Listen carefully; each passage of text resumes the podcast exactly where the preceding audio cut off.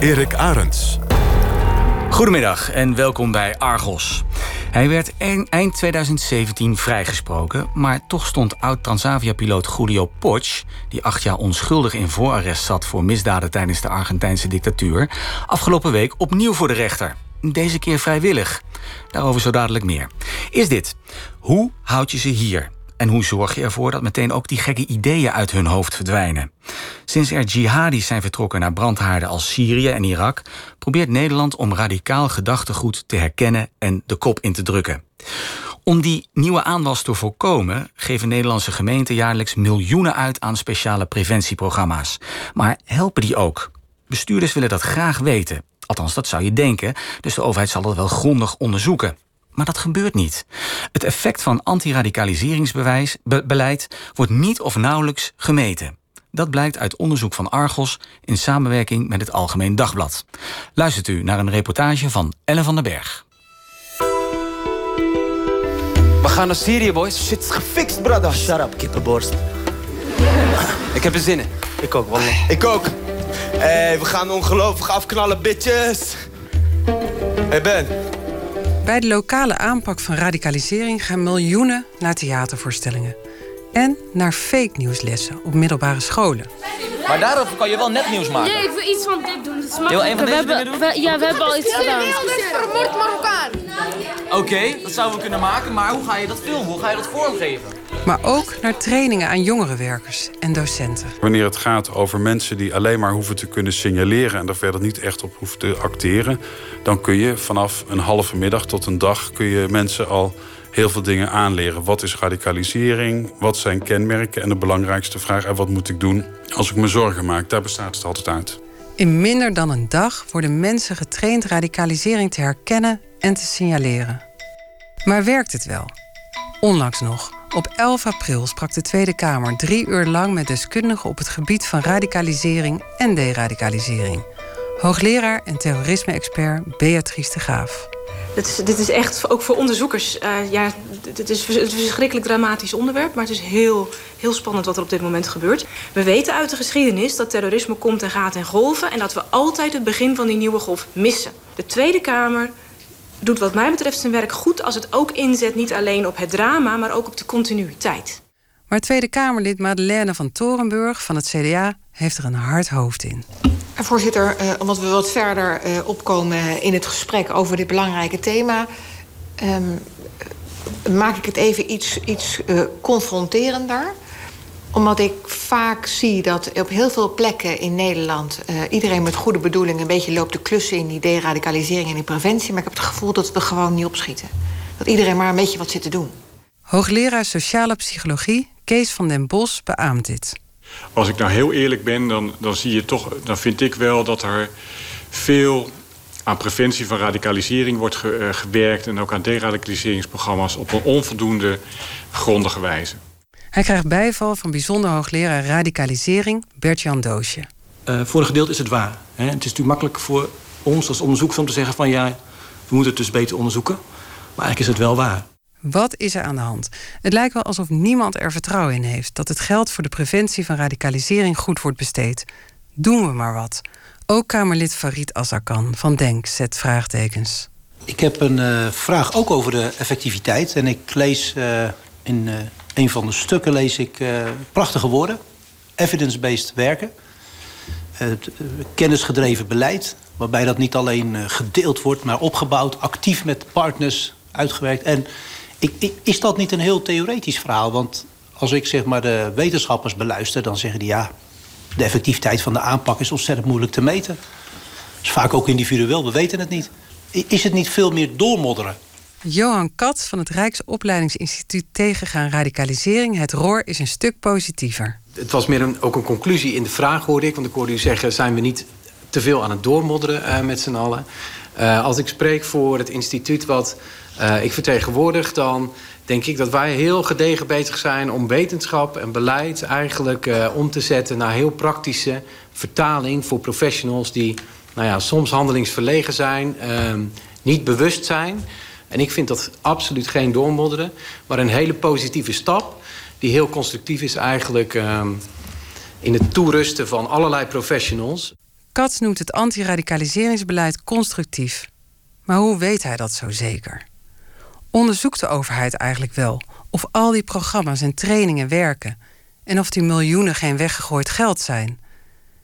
Is het inderdaad niet een kwestie van doormodderen? Of nog erger, werkt het niet juist radicalisering in de hand?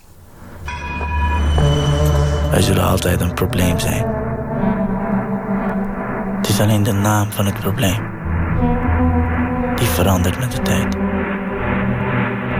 Dat is alles. Dus nee. Ik heb geen heimwee. Een fragment uit de trailer van Jihad de voorstelling. Een voorbeeld van zo'n preventief programma. Drie vrienden uit Almere zijn op weg naar Syrië om zich aan te sluiten bij de jihadisten. In Syrië treffen ze een situatie aan die minder idyllisch is dan ze hadden verwacht. 35.000 jongeren bezochten de voorstelling in 2016 en 2017. Om erachter te komen of dit soort initiatieven werken, stelden we aan alle 20 gemeenten die jaarlijks gezamenlijk zo'n 7 miljoen euro krijgen, dezelfde vragen via de mail. Welke activiteiten zijn ondernomen van het versterkingsgeld lokale aanpak radicalisering en jihadisme in uw gemeente? Is het resultaat van die activiteiten gemeten? En zo ja, is er ook een nulmeting gedaan? Van 16 gemeenten kregen we antwoord, van vier niet. Een aantal gemeenten laat ons weten.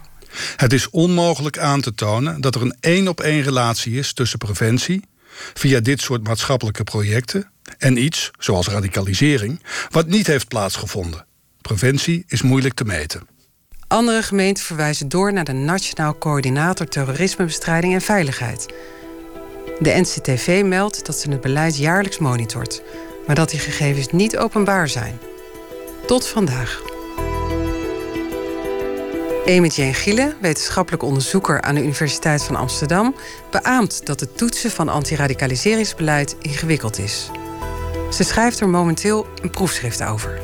Je probeert te meten of je iets hebt voorkomen. Dus of je radicalisering hebt kunnen voorkomen, of je misschien zelfs een aanslag hebt kunnen voorkomen. En om dat te meten, dat je iets hebt voorkomen, dat is heel erg complex.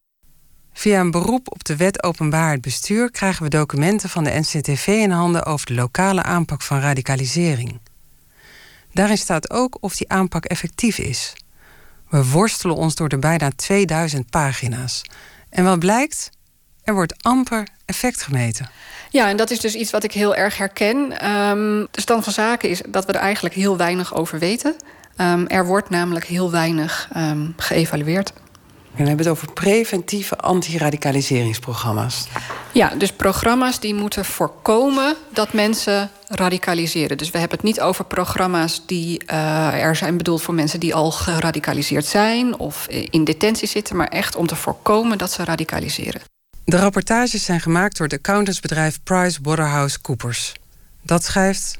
Veel gemeenten geven aan geen zicht te hebben op de effecten van hun aanpak, dan wel op de resultaten van de inzet van specifieke activiteiten. Gemeenten hebben hier wel behoefte aan. Ze merken op graag te willen weten welke activiteiten in welke situatie effectief zijn. Ze zijn op zoek naar wetenschappelijk onderbouwde en erkende interventies.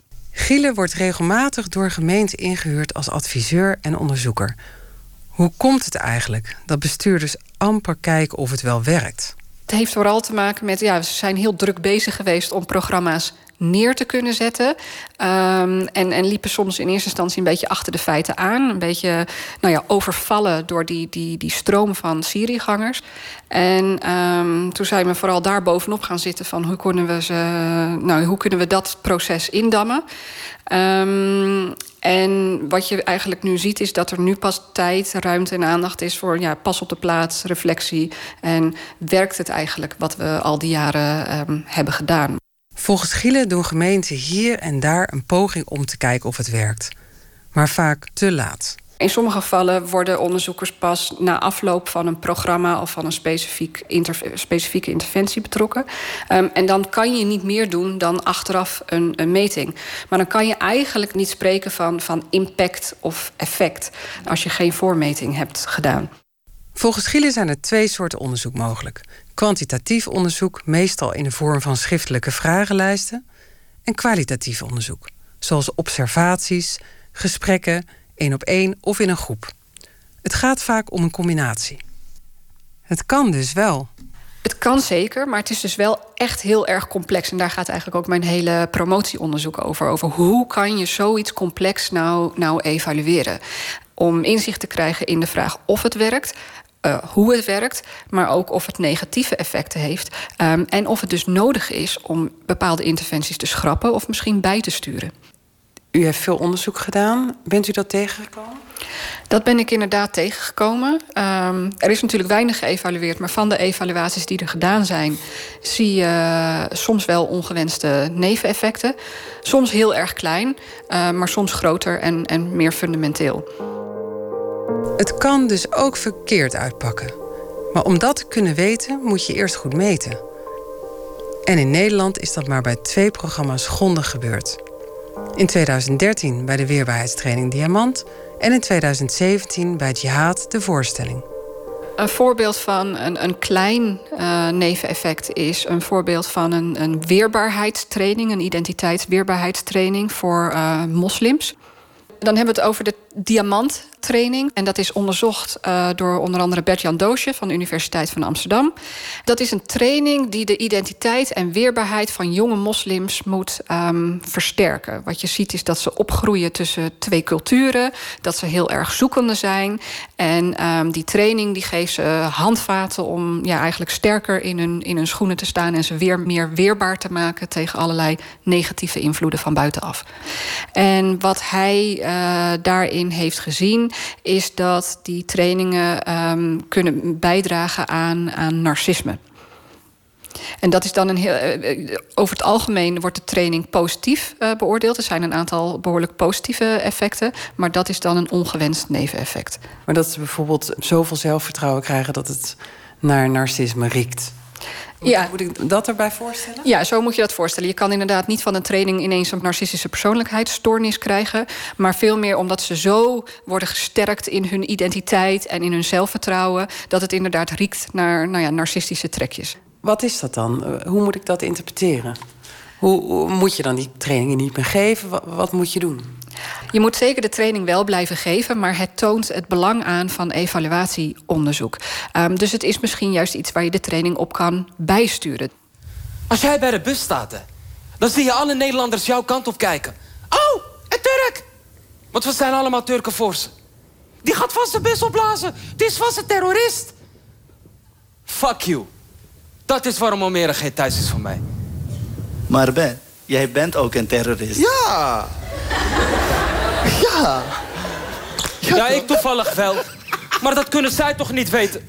Jihad, de voorstelling werd over het algemeen positief ontvangen. Maar ook hier zijn ongewenste neveneffecten. Onderzoeker Amy Jane Giele.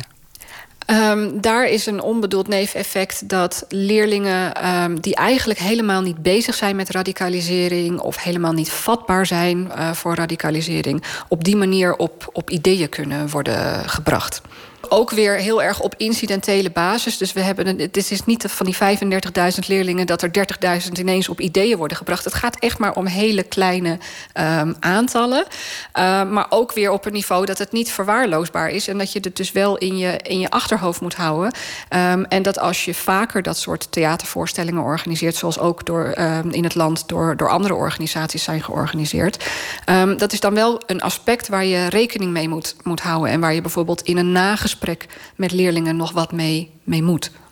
Wat zou je dan in een nagesprek kunnen vertellen? Het onderwerp triggert iets in leerlingen. Uh, het wordt op de agenda gezet. Um, maar dan moet je het daarna ook zorgvuldig um, nabespreken. Wat doet dit met mij? Wat vind ik ervan? Um, ja, hoe verhoud ik me ertoe? Hoogleraar Marion van Zan doet al sinds 2009 onderzoek naar radicalisering. Voorheen deed ze vooral onderzoek naar criminaliteit dat jongeren op ideeën brengt, dat is eigenlijk iets wat we al heel lang weten over criminaliteitspreventieprojecten. Er zijn heel veel van die uh, projecten geweest. Uh, waarbij men bijvoorbeeld ervaringsdeskundigen naar scholen ging sturen om een verhaal te doen. Dus bij drugs is dat heel vaak gebeurd. En heeft dat, had dat, dat het effect dat jongeren bang werden om drugs te gebruiken en daardoor niet deden? Nou, wat dat er als tegen, als, als neveneffect, dat was dat jongeren juist heel erg nieuwsgierig raakten naar druggebruik. Jacomijne Prins van de Vrije Universiteit deed namens het ministerie van Sociale Zaken en Werkgelegenheid in 2017 onderzoek naar het effect van jihadvoorstelling. Natuurlijk heb ik wel gezien dat jongeren een boodschap meenamen uit de voorstelling. Uh, die niet tot de, he, tot de beoogde boodschappen behoorden. Daarvoor was ze eerst in de klas bij de les voorafgaand aan de theatervoorstelling. Jihad is natuurlijk een thema, daar moet je eigenlijk iets van af weten om dat echt goed bij de horens te vatten. En veel docenten waren daar niet op toegerust. Er waren heel veel docenten die dachten: als het over jihad gaat, dan zijn hun eigen associaties is IS, is geweld, is oorlog. En die begonnen dus eigenlijk met filmpjes te laten zien van oorlog, van IS, van Syrië, van, uh, nou ja, van eigenlijk hele vreselijke dingen. Waardoor leerlingen het idee kunnen krijgen dat een, een docent bezig is om hun religie, iets dat ze dicht bij zich dragen, iets dat belangrijk voor hen is, waar ze hun een deel van hun identiteit aan ontlenen, in een kwaad daglicht aan het stellen is. En dat is heel pijnlijk. Mijn moeder, die, die, uh, die hoorde een keer dat kutnummer van Bluff op de radio. En zij dacht dat de tekst was: Allah is liefde. Allah. Giele concludeert in haar onderzoek dat programma's zich beter kunnen richten op extremisme in een breder perspectief.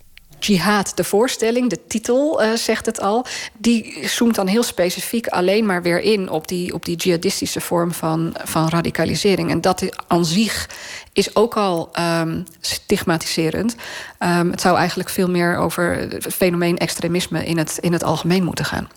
Er wordt dus amper resultaat gemeten. We weten niet of de aanpak werkt. En waar dat wel gebeurt, blijkt uit onderzoek dat het soms averechts werkt. Dit jaar gaat er iets groot gebeuren op het Global College. Wat gaat er precies gebeuren op het Global College? Nou, het is eindelijk zover. Jullie favoriete rapper komt naar het Global College. Dit is gewoon Boef, man. Bang, bang. Boef komt helemaal niet naar het Global College in de Utrechtse wijk Transwijk. Het gaat om een voorbeeld van een fake news video. Sinds anderhalf jaar verzorgt de TMI Academy fake nieuwslessen op middelbare scholen. In deze les, die, waar we dit filmpje hebben laten zien, barst er één meisje die werd heel verdrietig. Want die dacht dat Boef echt ging komen. Wat ik. Wat ik. Als jullie een goede video maken, dan houden jullie de volgende groep voor de Echt huilen, huilen, De leerlingen zijn er blij mee. De fake nieuwsles is een voorbeeld van een programma dat nu loopt. Gefinancierd met extra geld speciaal voor de gemeente met uitreizigers. Alleen al de gemeente Utrecht krijgt jaarlijks bijna 1 miljoen. Vandaag les 5 van de reeks van 7 aan de VMBO Brugklas. Het scenario wordt geschreven voor een fake news item op tv. Thomas Speksnijder is een van de trainers. Wie gaat komen naar geloven? Wie, wie willen jullie dat geloven? Wilders en gaan we tegen het vechten. We kunnen ook, je kan ook gewoon een, een stukje film van Gilt Wilders pakken. Dat hij zegt van jongens, maar dan kunnen jullie misschien iets zelf verzinnen van. Wat nou als hij hierheen komt? Worden hier dan uh, mensen heel boos? Gaan ze de hooivorken klaarzetten? Gaan ze de fokkels klaarzetten? Wat hoor je slippers even in? Slippers. Kijk, dat Gucci. Gucci slippers. Adidas. Niet zwaar. Kijk, en jongens, dit vind ik een hele goeie, want daar kan je een leuk filmpje over maken. Dat jullie beneden, dat ik op slippers klaarstaan, wat Gilt Wilders aankomt. Dat je klaar bent om een slipper te gooien. Ja? Kan. Ik, dan neem ik mijn eigen slipper mee. Ja, dan neem alsjeblieft. Of ik neem die van mijn vader mee. Ik neem die van mijn vader, hij is toch groot. Hij is altijd veel beter. Maar dat is een goeie. 45. Dat is een goeie. Die hebben we dus gelijk wie? Wie geeft Wilders om naar geloven? Ga je komt iets bespreken, maar wat is iets? Maar ik moet reden hebben. Hij komt over de uh, meningen van kinderen. Ja? Over, uh, over de Nederlandse, alleen Nederlandse kinderen. Oh, en daar zijn jullie dan heel boos Ja. op. Juist, kijk, nou gaan we de goede kant op. Dat is discrimineren uh, ons gelijk. Maar er zijn hier bijna geen Nederlandse Zonder dat hij er is, heeft hij jullie al gediscrimineerd. Ja. En daar zijn jullie boos om. Dus daarom zijn jullie klaar met Hij slippers. zegt ook niet ons Maro hij zegt ook niet Marokkaan, hij zegt gelijk Nederlanders. Gelijk, gelijk gediscrimineerd. Volgende week gaan ze het item filmen. Zogenaamd voor het NOS-journaal. Juist het eerste stukje van NOS, dat je zo, dat je zo Ja, de, de logo ziet staan. een interview is filmen. En dat is allemaal. Want dan lijkt het echt. Kijk. En dan wordt er dus verteld dat je het Global College ziet. Jongens, er is weer nieuw nieuws over het Global College. Geert Wilders heeft besloten om dit college een bezoek te brengen. Maar dan wel alleen de Nederlandse leerlingen. Nee, ehm, maar zonder de eh, Marokkaanse leerlingen. Expres, zeg maar. Die Ja, ja, die wil expres erin. Ja. Dus Geert Wilders wil een bezoekje brengen aan het Global College. Maar wil dan expres alleen de Nederlandse leerlingen zien. Dan kunnen we ook een stukje van Geel Wils, wat hij allemaal zegt. Juist, maar ook hele vervelende dingen. Want, want- want daarom wordt hij namelijk ook heel boos. Weg met de Marokkanen. Dat vind ik heel naar, maar dit is wel, is wel heel vervelend. Nee, dit gaan ze bij... Oké, en wat gaat er gebeuren? uh, Marokkanen staan klaar met slippers. Met slippers, ja. Nee, niet alleen met slippers, ook gewoon echt zeg maar Met dat stofzuiger. eh, eh, Marokkaanse leerlingen staan klaar met metaal. Met metaal of met, met, ze staan klaar om, eh ze staan, staan hem op te wachten. Ja. Dat maakt er niet uit met wat. Ja, we gaan geen knuppels mee naar school nemen. Zou jij misschien je telefoon even weg willen doen? Hoe de video eruit gaat zien, wordt steeds meer duidelijk. Maar wat heeft dit te maken met preventie van radicalisering? Directeur Michiel Kalverda van de TMI Academy, die deze lessen verzorgt. Nou, kijk, dat is heel moeilijk om, die, eh, om, om daar een hele theoretische les over te maken. Dus je moet het heel laagdrempelig aanvliegen. Wil je, dit, wil je die kinderen eh, zover krijgen dat ze hiervoor openstaan om dit te leren. Dus je moet heel erg vanuit hun leefwereld gaan, gaan, gaan denken. En dat is eigenlijk wat wij vanaf het begin af aan doen. Maak iets vanuit het enthousiasme van leerlingen. En dan kan je ze, dan kan je ze raken. En nu staan ze open om dit te leren. Ze hebben vandaag in deze les hebben ze gezien hoe makkelijk het is om een, een fake news kop te maken. En ze zijn begonnen aan hun fake news verhaal. En dat, dat, ja, daarmee la- laten we zien hoe makkelijk eh, eh, dat is. En we laten zien ehm, wat, wat, wat de basis is van fake news. En dat is haatzaaien. En dat is zorgen dat de groepen tegenover elkaar komen te staan. Dat is wat we hebben laten zien aan ze. Vandaag op een hele laagdrempelige manier. Ja. Het gebeurt nu nog op kleine schaal, maar volgend jaar willen ze deze lessen uitbreiden naar meer gemeenten en scholen. Dan worden effectmetingen ook een onderdeel. Ja, we zitten dus nu midden in die experimenteerfase van hoe deze les het beste aan te vliegen. En onderdeel daarvan is dat we gaan experimenteren met toetsing. En dat zal op nieuwe manieren gaan. Dus dat, dat is iets wat in de toekomst eh, op een manier gaat dat het voor de leerlingen heel erg zal lijken op de dagelijkse gang van zaken. Dat is de enige manier hoe je het echt kan toetsen. Marion van Zan is onderzoeker aan de Erasmus Universiteit in Rotterdam. Iedereen heeft eigenlijk vanaf de aanslag in Parijs een soort van opdracht gekregen. En met, met iedereen bedoel ik mensen in het gevangeniswezen, eh, mensen in het jeugd- en jongerenwerk, mensen in het onderwijs. Die moesten op een gegeven moment allemaal iets doen met radicalisering.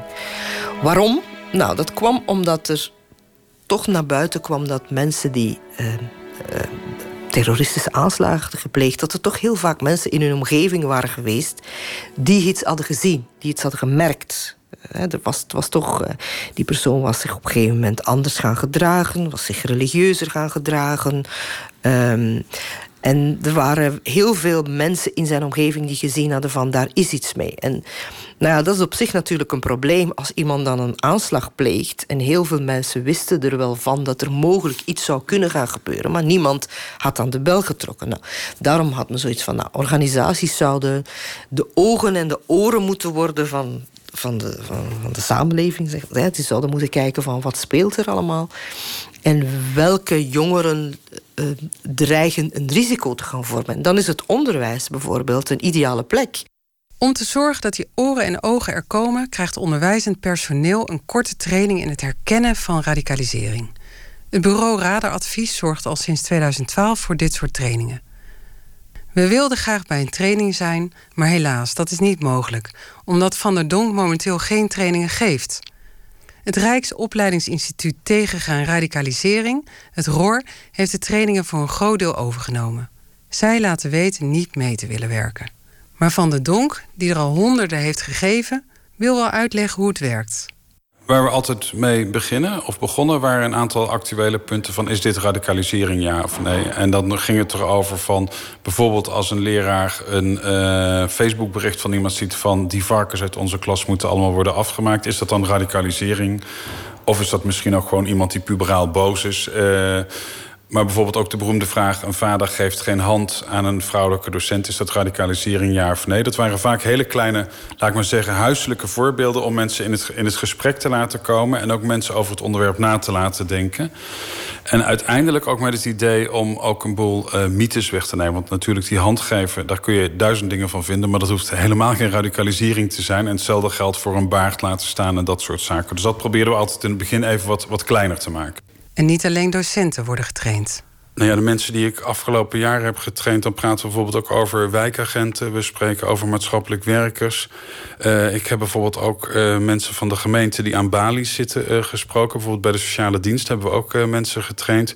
Maar we ook imams, dus gevangenispersoneel, mensen bij reclassering. Dus kortom, een heel breed palet.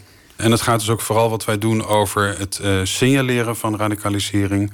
Uh, en vervolgens ook van hoe ga je met die signalen om. En dat kan heel simpel zijn van uh, bel dat en dat nummer of geef het door aan die en die collega. Tot en met wat je zelf kan doen met geradicaliseerde mensen. Maar ook hier kun je de vraag stellen: werkt het? In haar rapport De onvoorspelbare terrorist onderzocht Marion van Zan het effect van dergelijke trainingen door middel van een internationale literatuurstudie. Iedereen is gemobiliseerd om die eerste tekenen van radicalisering te herkennen. En nu zou je denken, nou ja, dat is op zich goed. Er is helemaal niks mis met detectie. Maar het heeft ook zijn uh, schaduwkanten. Het gevaar is dat je een heleboel schijnexpertise gaat creëren. Dat allerlei mensen zogenaamde experts zijn. En dat je daardoor nog wel eens uh, meer kwaad kan doen dan goed. Want als je tien jaar geleden uh, op school ineens veel meer met je religie bezig ging. En dat je zei van ik wil graag bidden tijdens de pauze. En uh, toen werd dat helemaal niet als een probleem gezien. Dan ging je gewoon bidden en dan, dat was het. Maar als je dat anno 2019 gaat doen, dan gaat er misschien al een belletje rinkelen van is deze jongeren misschien aan het radicaliseren. Die moeten we toch misschien wat meer in de gaten gaan houden. Misschien worden de ouders al wel eens uitgenodigd op school om te, om te komen gaan praten. Dus er wordt een hele molen op gang gebracht waardoor je mensen die misschien niet radicaliseren... zodanig in het verdomhoekje aan het duwen bent... dat ze misschien op een gegeven moment zeggen van... Uh, nou, ik ga niet meer in deze school en ik, uh, ik ga naar een andere school... en ik wil helemaal niks meer met maken. Dus dat je mensen die dreigen te radicaliseren... misschien juist door je aanpak gaat een verkeerde kant op duwen. Hoe meer je een persoon in een hoek duwt... hoe meer die zich tegen jou zal keren, zegt Van San. Dat ziet zij ook terug bij Syriëgangers ik heb de laatste jaren heel veel ervaring opgedaan met jongeren die geradicaliseerd zijn en die uiteindelijk naar Syrië vertrokken zijn. Die voelden zich al niet helemaal gelukkig in, in deze samenleving. Die dacht dat, dat, dat er naar hen gekeken werd en zo. En als je, dat, als je op hen een vergrootglas gaat zetten, dan bevestig je hen alleen maar in hun gelijk. Dan gaan ze zeggen, nou ja, zie je nou wel dat ze tegen ons zijn, zie je nou wel. Dus ik denk dat je met die detectie, daar moet je ook heel erg voorzichtig mee zijn als dit soort mensen, die toch een vertrouwensrelatie hebben met, met, met jongeren, als die moeten gaan signaleren dat er iets mis is, ja, dan kan je je voorstellen dat jongeren die enige plek waar ze nog terecht kunnen, als ze daar ook niet meer terecht kunnen, dan zullen ze wel weer andere groepen zoeken waar ze wel hun verhaal kwijt kunnen. En de vraag is of dat dan altijd de groepen zijn waar je zit op te wachten. Wat is dan het doel van die trainingen, denkt u? Um, het doel van die trainingen is dat ik vermoed dat men eigenlijk als politici heel vaak toch de druk voelt om iets te doen. Terwijl men eigenlijk helemaal niet weet of het werkt. ik vind dat Marion van San, die zit iets, wat mij betreft, iets te cynisch in de wedstrijd. Uh, kijk, ik onderken met haar en ook met een heleboel andere uh, wetenschappers... van dat er gewoon te weinig evaluatieonderzoek heeft plaatsgevonden... door onafhankelijke derden. En zeker op het preventiegebied. Maarten van den Donk van Radaradvies geeft toe dat ze niet goed weten of het wel werkt waar ze al jaren mee bezig zijn.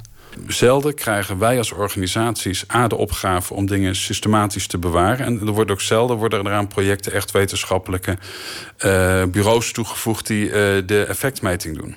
Maar dan bent u toch zelf ook schuldig aan op een bepaald, bepaalde manier. Als u de noodzaak daarvan ziet, mm -hmm. dan kan u zich, dan met u toch de aangewezen persoon die zich daar enorm sterk voor maakt om gewoon dat als vast onderdeel erbij te hebben, zodat je de volgende training ook weer kan verbeteren natuurlijk. Ja, zo zit de markt niet in elkaar, kan ik vertellen. Nee, is dat zo? Wij krijgen dat geld van, van opdrachtgevers. En als opdrachtgevers daar niet in willen investeren... dan is het enige wat wij kunnen doen... is gewoon een training geven... en daar ons zo goed mogelijk voor onze eigen kwaliteitscontrole afdekken. Maar kunnen wij niet de hele effectmeting doen. Overigens zou ik zelf ook die effectmeting nooit willen doen... en dan zou ik de slager zijn die, die zijn eigen vlees keurt. Dat lijkt me ook niet zo handig. Dus er worden nu miljoenen uitgegeven, al jarenlang... maar we weten niet of het werkt. We hebben in ieder geval niet, uh, we weten niet of het werkt door de methode.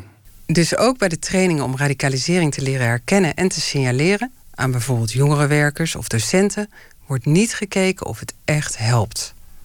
Maar kan dat eigenlijk wel of moet er eerst iets anders gebeuren? Hoogleraar Van Zan.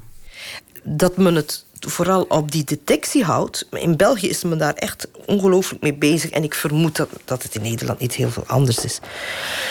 Is dat we eigenlijk nog niet heel goed weten hoe we radicalisering nou preventief moeten aanpakken. Omdat we er eigenlijk nog niet heel erg achter zijn wat radicalisering nou precies is. Er is nog heel veel de verschillende meningen, ook in de literatuur, nog heel erg over. Wat, wat radicalisering doet ontstaan. Op welke terreinen moet je werken? Aan welke touwtjes moet je gaan trekken om, om radicalisering te voorkomen? Over waarom iemand radicaliseert is nog veel onduidelijk.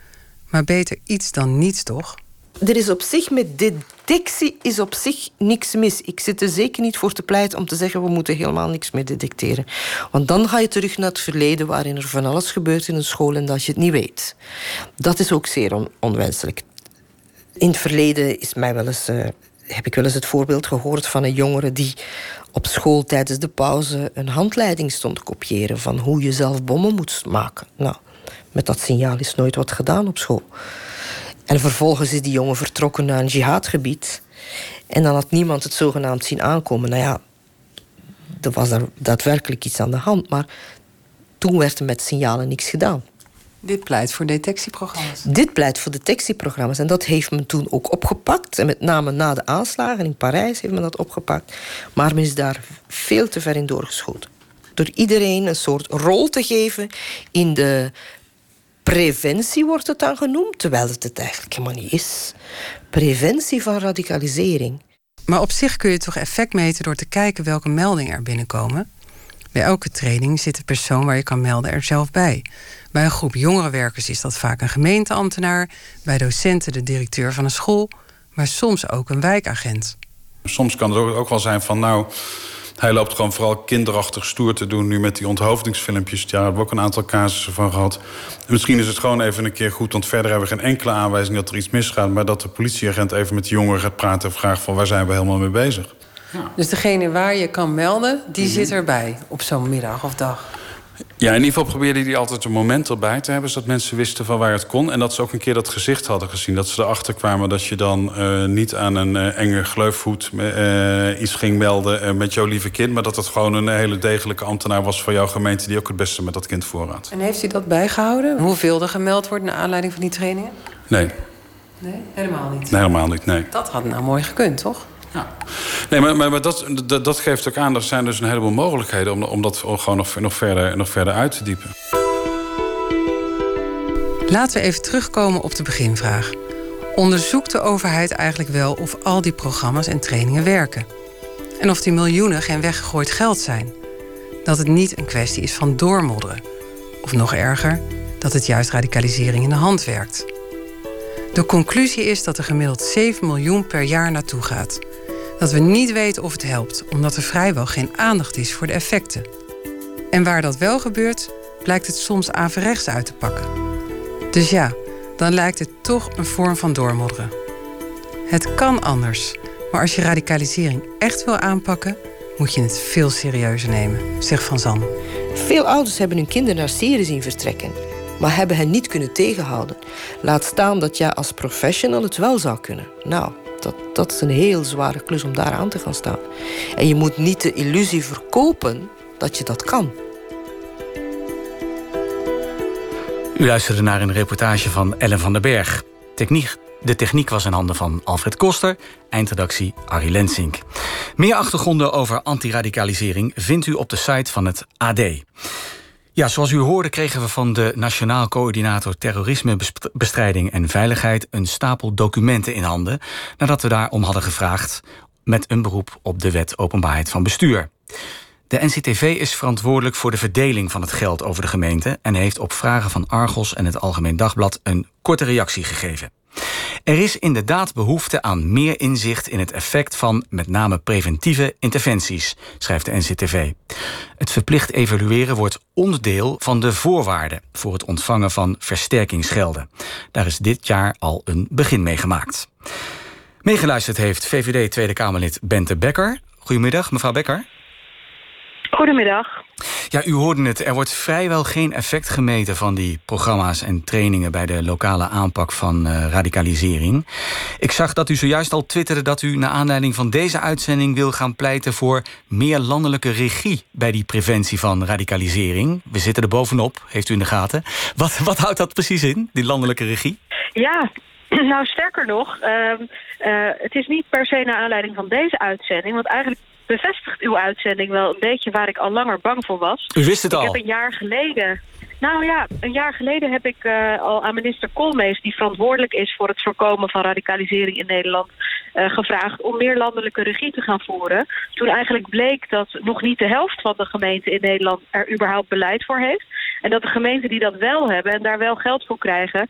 Ja, niet duidelijk kunnen maken of wat zij doen effectief is. En we hebben bijvoorbeeld in de gemeente Amsterdam gezien dat het daar helemaal mis is gegaan. Dat op een gegeven moment het college blind vaarde op één adviseur. Uh, en, en, en, wat helemaal onterecht bleek en uh, uh, niet, het, niet het gewenste effect had. Dus ik heb toen gezegd tegen de minister... kom nou met meer landelijke regie en ga nou toetsen... of wat gemeenten doen ook echt effect heeft. En komende week heb ik een debat met hem. En zeker naar aanleiding van uw uitzending zal ik hem verder aansporen... dat nu echt serieus te gaan oppakken, want het duurt al te lang. En wie moet die landelijke regie gaan uitvoeren? Nou ja, het is voor mij van belang dat uh, de subsidieverstrekker... Uh, die de versterkingsgelden geeft niet zegt, nou, uh, hier heb je geld als gemeente... zodat je beleid kan voeren... en dan laten we met z'n allen zien dat we het onderwerp serieus nemen. Mm -hmm. Maar dat die subsidieverstrekker ook ervoor zorgt dat hij inzichtelijk maakt... wat voor beleid wel en wat voor beleid niet werkt. Mm -hmm. uh, en dat het ook getoetst wordt of uh, de instrumenten die zo'n gemeente inzet...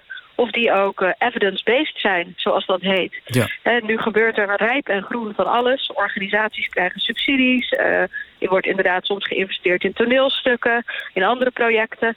Tegelijkertijd hoor je dat bijvoorbeeld in het onderwijs uh, veel uh, docenten nog nauwelijks weten wat ze met het onderwerp aan moeten. Uh, dus misschien zou daar meer geïnvesteerd moeten worden. Ja, gemeenten weten het niet. Dus daar moet toch echt veel meer landelijke regie op komen van, van minister Koolmees wat mij betreft. En daar gaat u hem komende week op aanspreken? Ja, komende week heb ik een debat met hem over integratie. En uh, dit is daar uh, een belangrijk onderdeel, van. Uh, en ik hoop dat hij zal toezeggen dit ook nu echt te gaan doen. Dan gaan we dat in de gaten houden. Heel veel dank voor uw reactie. Bente Becker, Tweede Kamerlid van